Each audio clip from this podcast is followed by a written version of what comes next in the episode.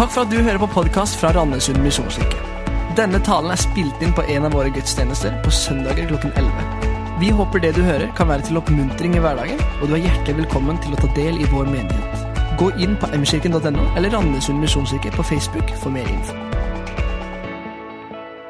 Det dype mysterium det er at vi midt i vårt liv, slik som det er, får lov til å vite og hvile i at vi er døde med deg og oppreist med deg.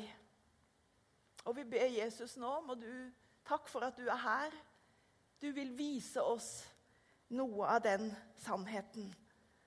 Amen.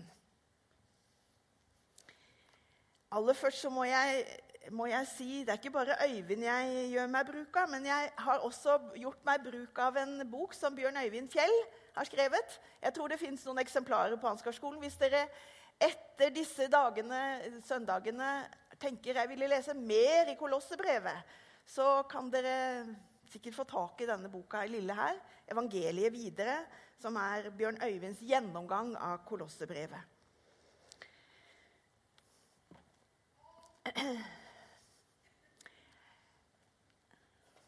Det er mange ting å huske på på en gang. Det er over 35 år siden jeg jobbet i Kongo. Men jeg husker enda av en eller annen merkelig grunn en spesiell opplevelse. Det var en veldig flott ettermiddag med en veldig vakker solnedgang. Det var mange vakre solnedganger. Det er det her, og det var det i Kongo også. Og Jeg så på denne solnedgangen, men så møtte jeg en kollega. Og så sa jeg, 'Har du sett hvor vakker solnedgangen er?' Nei, sa hun. For å være helt ærlig så så jeg ned og så på dette bananskallet og tenkte hvordan i all verden kan folk være så skjødesløse og kaste sånne skall? Vi kan jo skli og brekke beina. Det, det, er jo litt rart å huske det, da, men det kommer av det at, tror jeg, at jeg er egentlig den fødte pessimist. Jeg kan godt eh, kjøre ut av garasjeanlegget mitt og tenke jeg lurer på om det er i dag jeg skal kollidere. Så så jeg, at det var jeg som sto for optimismen den dagen, det, var, det, husker jeg nok enda. Jeg er typisk som ser at glasset er halvtomt. Men det er ikke, heldigvis, det er ikke om vi er optimistiske eller pessimistiske av natur at vi skal snakke om, som vi skal snakke om nå i formiddag spesielt. Vi skal snakke om noe som er mye større enn som så. Der sto det altså at vi skal se opp fordi Kristus er der oppe, og vi er oppreist med Kristus. Jeg har lyst til å si at jeg bruker noen få bilder fra baptistisk eller troende dåp. Dette er ikke noe som på en måte er en propaganda for et dåpssyn. jeg har bare lyst til å si. I Romerbrevet kapittel 6 så står det om dette at vi er begravd, døde og begravd med Kristus og oppreist med Han. Derfor er det så fine um, Det er en veldig fin symbolikk i dette. Men dette som jeg skal snakke om i dag, gjelder alle som tror på Jesus. Enten man er døpt med den ene eller den andre dåpsformen. Det har jeg lyst til å si.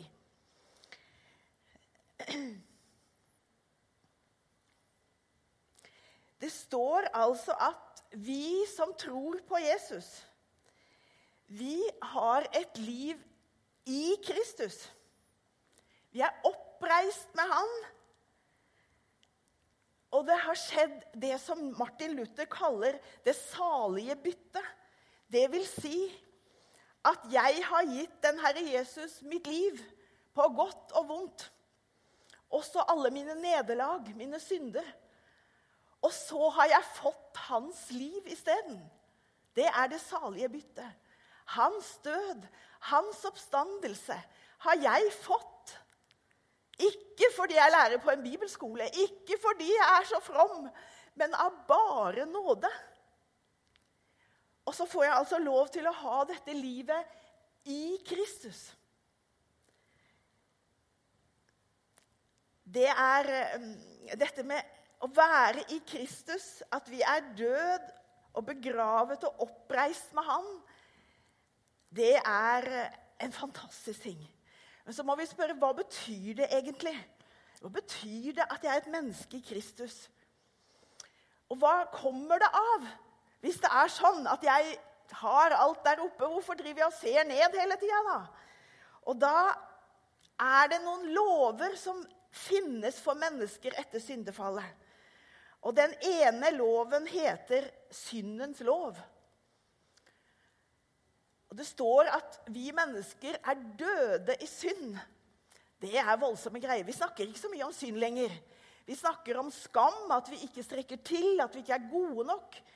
Men synd, dette at vi ikke klarer å leve opp til Guds standard. Det at jeg egentlig er skapt til å gi Gud ære og til å glede andre mennesker. Men jeg er mest opptatt av meg sjøl, hvis jeg skal være veldig ærlig.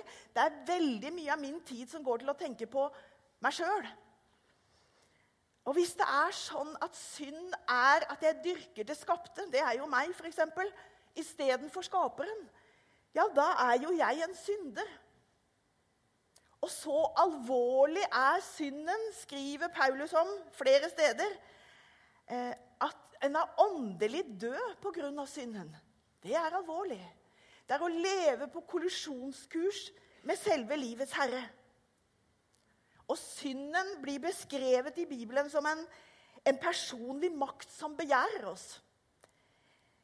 Den første brodermorder Kain Gud sa til han, 'Synden ligger på lur ved døra di.' Pass deg. Den er en makt. Og den er så sterk at den er sterkere enn min vilje. Det må jeg bare si. Det har skjedd mange ganger. Synden lever i beste velgående fortsatt en dag i dag. Og hva er det da som kan hjelpe meg mot dette? Er det å ta meg sammen? Jeg har prøvd det noen ganger. Har du prøvd å ta deg sammen og leve kristelig? Det går an å gjøre det. Vi kan komme et stykke på vei ved å prøve å leve så kristelig vi bare kan. Men det, for det første er det slitsomt, og for det andre så lykkes i hvert fall jeg veldig dårlig med det. Hva er det da som hjelper meg? Jo, det er dette at jeg vet at jeg er død med Kristus. Jeg er begravd med han, og jeg er oppreist med han.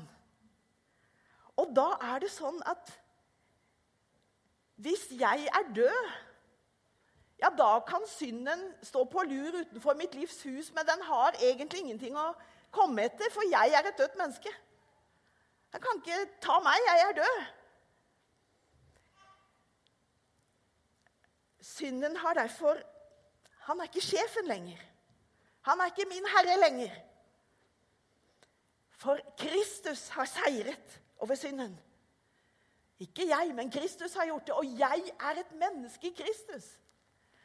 Og hans seier har blitt min seier. Jeg får hans seier over synden. Ikke fordi jeg er bibelskolelærer, men fordi av en merkelig grunn Jesus Kristus elsker syndere. Og jeg er en av dem. Jeg er korsfestet med ham, jeg er død med ham, jeg er begravet med ham, men jeg er også reist opp med ham.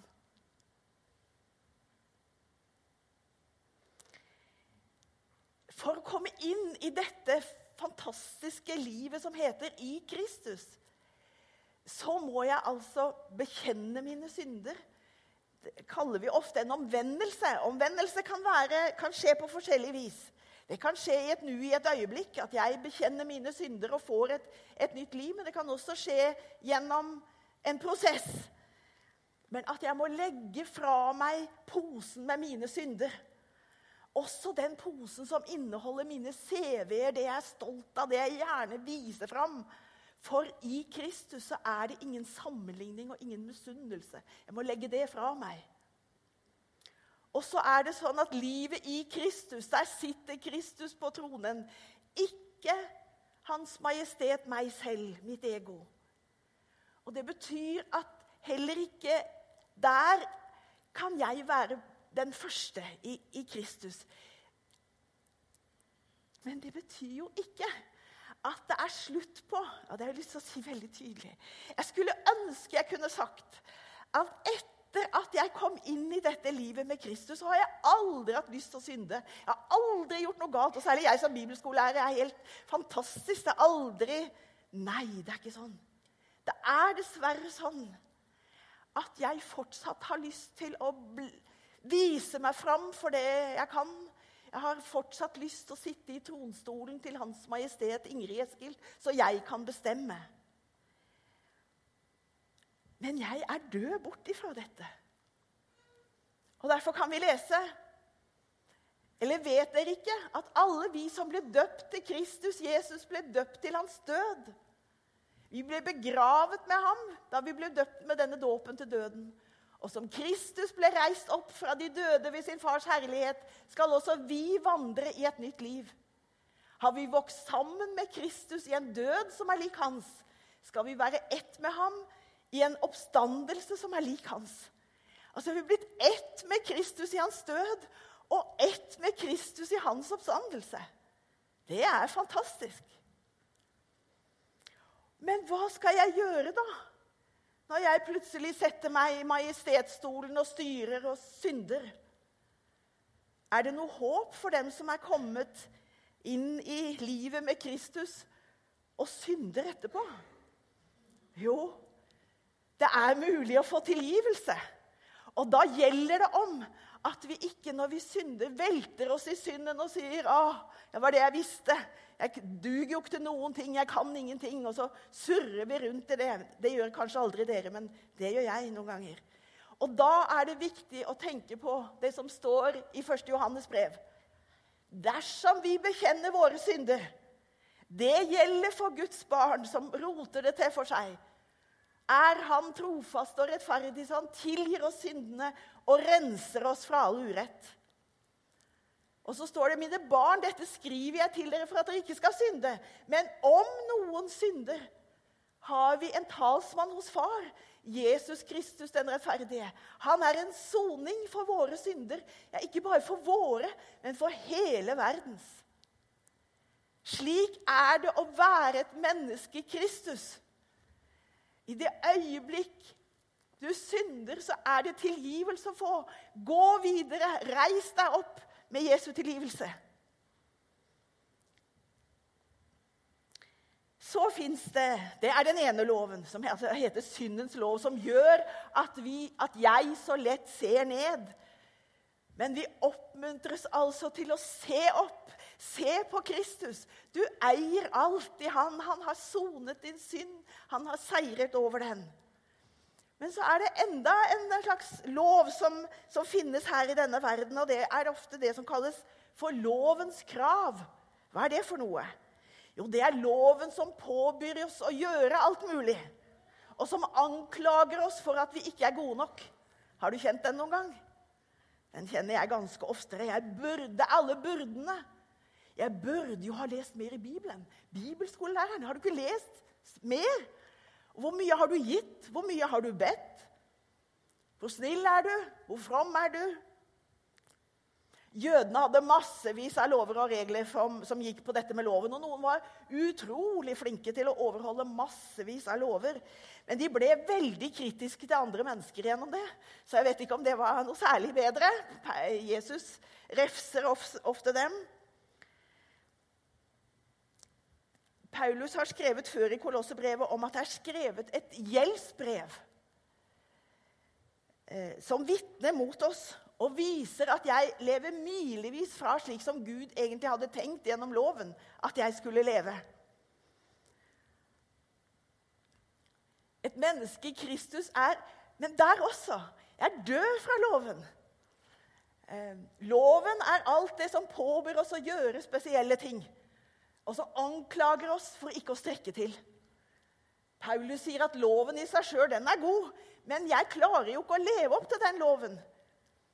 Det som var umulig for loven, det gjorde Gud i Kristus Jesus. Når han sendte sin egen sønn som soneoffer og holdt dom over synden i vår natur, står det. Vi er døde også bort fra loven. Og Det betyr at om loven kommer til et dødt menneske, om han er aldri så skyldig Det står dette gjeldsbrevet henger over døra mi i utgangspunktet. Det sier 'skyldig', strekker ikke til. Men jeg er død bort fra dette. Og så står det at gjeldsbrevet eh, er slettet. Det ble spikret fast på Golgata kors. Så det gjeldsbrevet gjelder ikke lenger.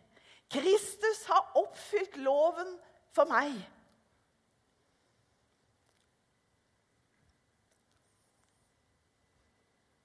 Gjeldsbrevet mot oss er slettet. Det ble naglet fast til Jesu kors, står det. Derfor jeg er kjøpt fri fra alle lovens krav. Vi er kjøpt fri fra det å være sykt vellykket. Vi er kjøpt fri fra Mange av dere vet jeg hadde en utviklingshemma bror. Derfor har det å være perfekt ligget over meg som en mare. Jeg skulle jo få til alt det han ikke fikk til. Jeg har aldri vært god nok. Men Jesus har kjøpt meg fri fra lovens krav. Jeg er fri fra loven. Du er fri fra loven fordi du lever så perfekt. Nei, fordi Kristus har kjøpt deg fri. Ikke fordi jeg har fått det til. Det er ikke pga. mine prestasjoner. Det er pga. Kristi prestasjoner. Det er ikke det jeg har fått til, det er det jeg har fått. Fått det gratis av bare nåde.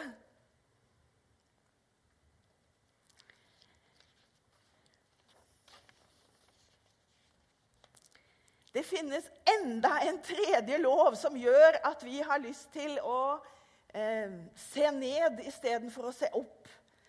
Og det er det som eh, på gammeldags heter kjødet. Kjødets begjæringer. På, jeg kan ikke gresk, men det fins et ord på gresk som heter sarks.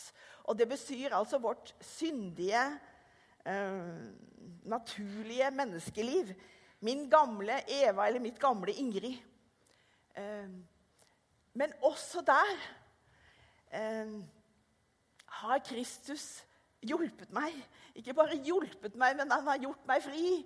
For da er det ingen fordømmelse for dem som er i Kristus Jesus. Jeg som har all grunn til å bli fordømt pga.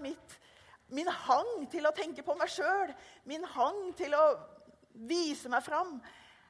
Han har kjøpt meg fri.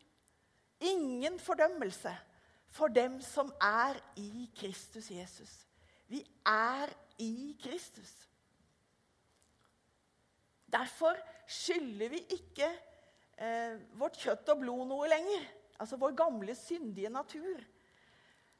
Fordi Kristus er død, er død for oss. Det vil si Hva er denne syndige naturen? Jo, det er jo det som på en måte lokker meg til fall. Som gjør at jeg har lyst til å gjøre det gale. Jeg har lyst til å baktale. Jeg har lyst til å være bitter. Jeg har lyst til å være sinna på noen. Jeg har lyst til å være hengjerrig. Det som skiller meg, som ødelegger for meg sjøl, som ødelegger for mitt gudsforhold, som ødelegger for andre mennesker, det har Kristus ordnet opp i for meg. derfor en kristens fiender som gjør at vi så lett ser ned, at jeg så lett ser ned. Det er ikke bare synden som ligger utenfor huset vårt og vil prøve å lokke oss. Det er ikke bare anklageskriftet som henger over mitt livs dør og sier 'ikke god nok'. Men er, den største fienden er vårt gamle jeg, som, eh, som holder til i mitt eget livs hus. Derfor har jeg lyst til å si til deg Jeg husker at da jeg var tenåring, så hørte jeg en preken som ble utrolig god for meg. Som, for jeg tenkte liksom at når jeg er en kristen, da må jeg jo bare tenke gode tanker og alt mulig. Og kanskje du er ny som kristen, og du tenker det er fantastisk, jeg er blitt fri fra alt mulig. Men så kjenner du lysten til alle mulige vonde ting inni deg. Jeg har lyst til å si, Det er et tegn på at du har fått det nye livet. At du kjenner denne spenningen mellom dette at du er det fullkomne Kristus, og samtidig har vi fortsatt vårt gamle kjød, vårt gamle jeg, som hele tiden vil jeg vil vise meg, jeg vil være litt større enn andre. Og Der gjelder tilgivelse for synder også der. Synden Det er viktig for oss å huske at jeg er død sammen med Kristus, men synden er ikke død. Den er høyst levende. Loven er fortsatt der og jobber og får meg til å tenke å, jeg er ikke god nok. Og mitt gamle, syndige natur, den jobber på fortsatt. Derfor er det i Kristus jeg har alt dette. Derfor er det så viktig å se opp. Jeg er død med Kristus. Synden er ikke død, den er sterk. Loven er fortsatt kraftig. Mitt eget gamle liv er høyst oppegående. Men mine røtter er i Kristus. Er, jeg er død bort fra det som jeg har dødd bort fra. Har ikke noe krav på meg lenger. Jeg er dødd bort fra alt dette. Det har ikke noe krav på meg. Vi er døde med Kristus. Vi er oppreist med Kristus. Vi har fått et nytt liv. Det evige liv. Og det, og det er ikke bare noe som en gang begynner i evigheten. Det er begynt nå. Nå, når du er i Kristus, så lever du i det nye livet. Det nye evighetslivet som en gang skal blomstre ut i all sin fylde. Men det gjelder nå. Vi har fått all åndens velsignelse i himmelen, står det til og med. Det betyr at vi kan ta ut av en himmelsk bank det som Kristus eier. Fordi jeg er i Han. Det er sannheten om mitt liv. Det å være i Kristus, det er et kraftfelt. Paulus elsker preposisjonen 'i' i Kristus, i Herren, Herren i meg. Der, i dette kraftfeltet i Kristus, er vi fri fra motløshet og fri fra selvfordømmelse. Jeg er i Kristus. Paulus kan til og med si at vi er døpt til Kristus, har vi kledd oss i Kristus. Og Luther kan si Gud ser på meg i Kristus som om jeg aldri hadde syndet. Jeg er fullkommen det snakker vi ofte om som vår stilling i Kristus. Fordi du er i Kristus, kan du ikke bli bedre. Gud ser deg gjennom Han, Han som er fullkommen. Gud ser oss i Kristus som vi aldri hadde syndet. Dommen over synderne våre, mine, de, den dommen er falt. Og straffen er ferdig sonet. Og gjelden er betalt. Jeg eier alt i Kristus. Det er min stilling. Og det er det det har også lyst til å si. Det er denne stillingen som gjør at jeg har en trygg grunn å stå på. Jeg kan kjenne meg så ymse, men min stilling i Kristus kan ingen rokke. Det er troen som sier dette, at jeg er i Kristus. Men så sier du ja, men du skulle bare visst åssen jeg var. Bare før jeg kom på møtet her. Jeg var sur og sinna. Og, ja, tror du ikke jeg veit åssen det er? Det er vår tilstand. Det er forskjell på stilling og tilstand. Stillingen er det vi er i Kristus. Ingen kan rokke det. Tilstanden er hvordan jeg til enhver tid føler meg. Og det går opp og ned, for mine følelser går opp og ned. Men det som gir meg trygghet og hvile i troen, det er hva jeg er i Kristus.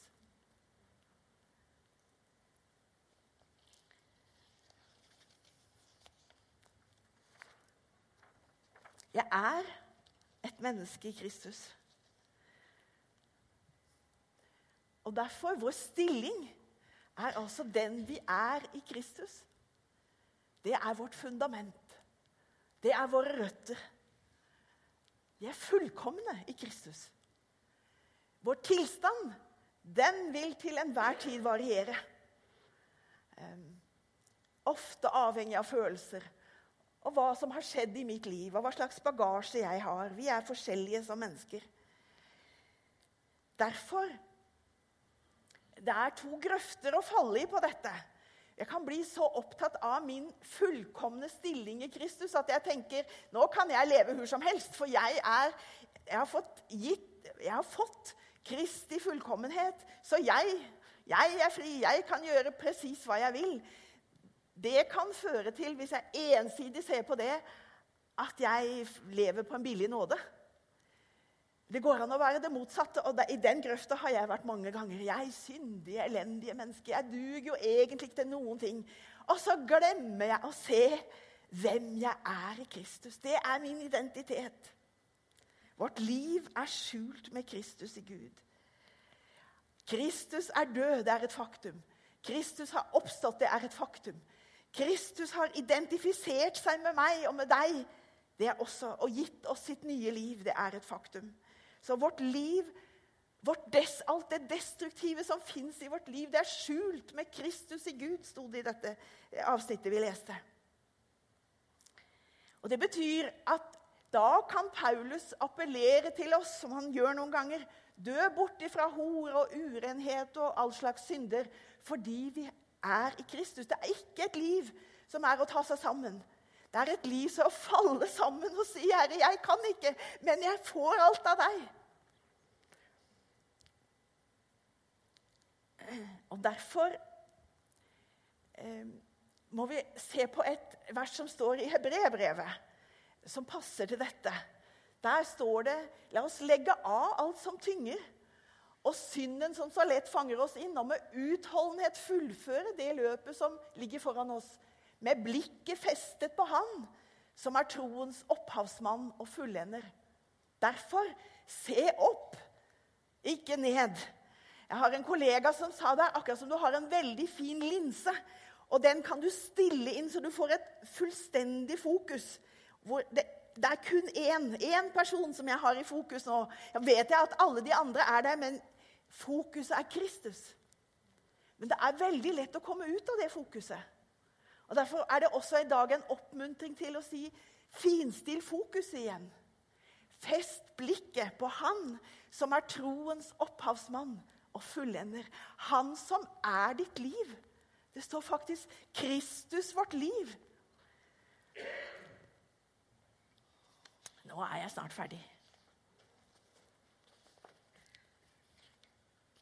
Derfor skal vi søke det som er der oppe hvor Kristus sitter. Og der er det faktisk sånn at vi har en tilgang på rikdommer som vi kanskje ofte ikke tenker over. Fordi jeg er i Kristus, så har jeg del i hans rikdommer. Og midt i min hverdag, midt i min kamp, så kan vi få lov til å ta ut. Ta ut tålmodighet, ta ut kjærlighet, ta ut nåde Alt det som Kristus eier, som jeg har bruk for.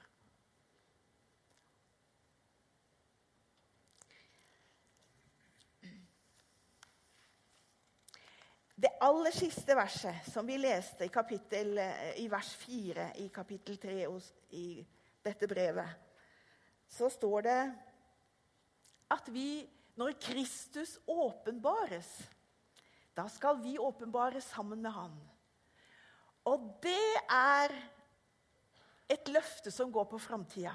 Vi har til nå sagt at i Kristus har det nye evighetslivet begynt. Du lever i det nå. Men en dag skal Jesus komme igjen synlig. Og da skal vi som tror, være med på hans gjenkomst.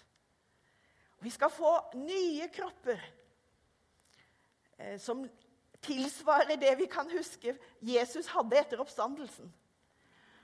Og den dagen, når Jesus kommer igjen, da skal alle de destruktive kreftene som vi har snakket om nå, synden og loven og kjødet, mitt eget, fins ikke mer. Tenk på det. Da skal det fullkomne, vår stilling i Kristus, blomstre ut i all sin skjønnhet. Og vi behøver ikke lenger å være redd for at vi skal falle fra, eller at vi skal synde, eller hvilken fantastisk dag det skal bli. Helt til slutt, da, som oppsummering. Når vi mennesker er i Kristus, er vi døde. Bort fra synden, bort fra loven og bort fra vårt gamle menneske. Og Fordi vi har, er døde for disse destruktive kreftene, så har de ikke lenger noe krav på oss. De er ikke vår herre lenger.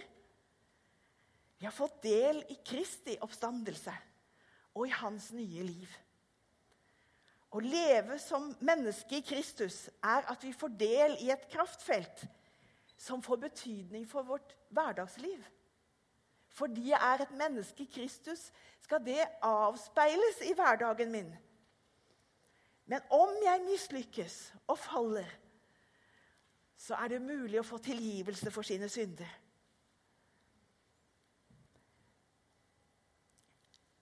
Og la oss se på det vi eier i Kristus. Se opp på Han.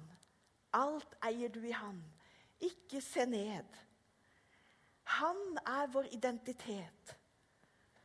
Han er vår klippe. Han er våre røtter.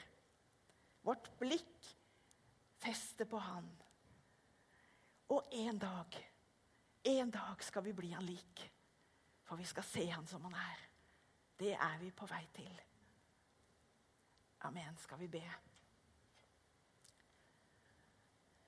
Kjære Jesus. Dette nye livet som du har gitt oss, det er på mange måter en eh, Det er troens hemmelige liv som vi får leve med deg. Takk at du gir dette til enhver som har behov for deg. Du har identifisert deg med oss.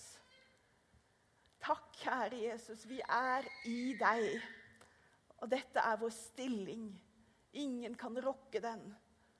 Og takk for at du tilgir våre synder, at vi får lov til å leve med deg som dine barn. Midt i vår egen skrøpelighet og svakhet. Og så ber jeg Jesus for den enkelte av oss. Våre liv er forskjellige, men vi har behov for deg. Og takk for at dette livet er for oss. Hjelp oss til å leve det ut og glede oss over vår stilling i deg. Amen.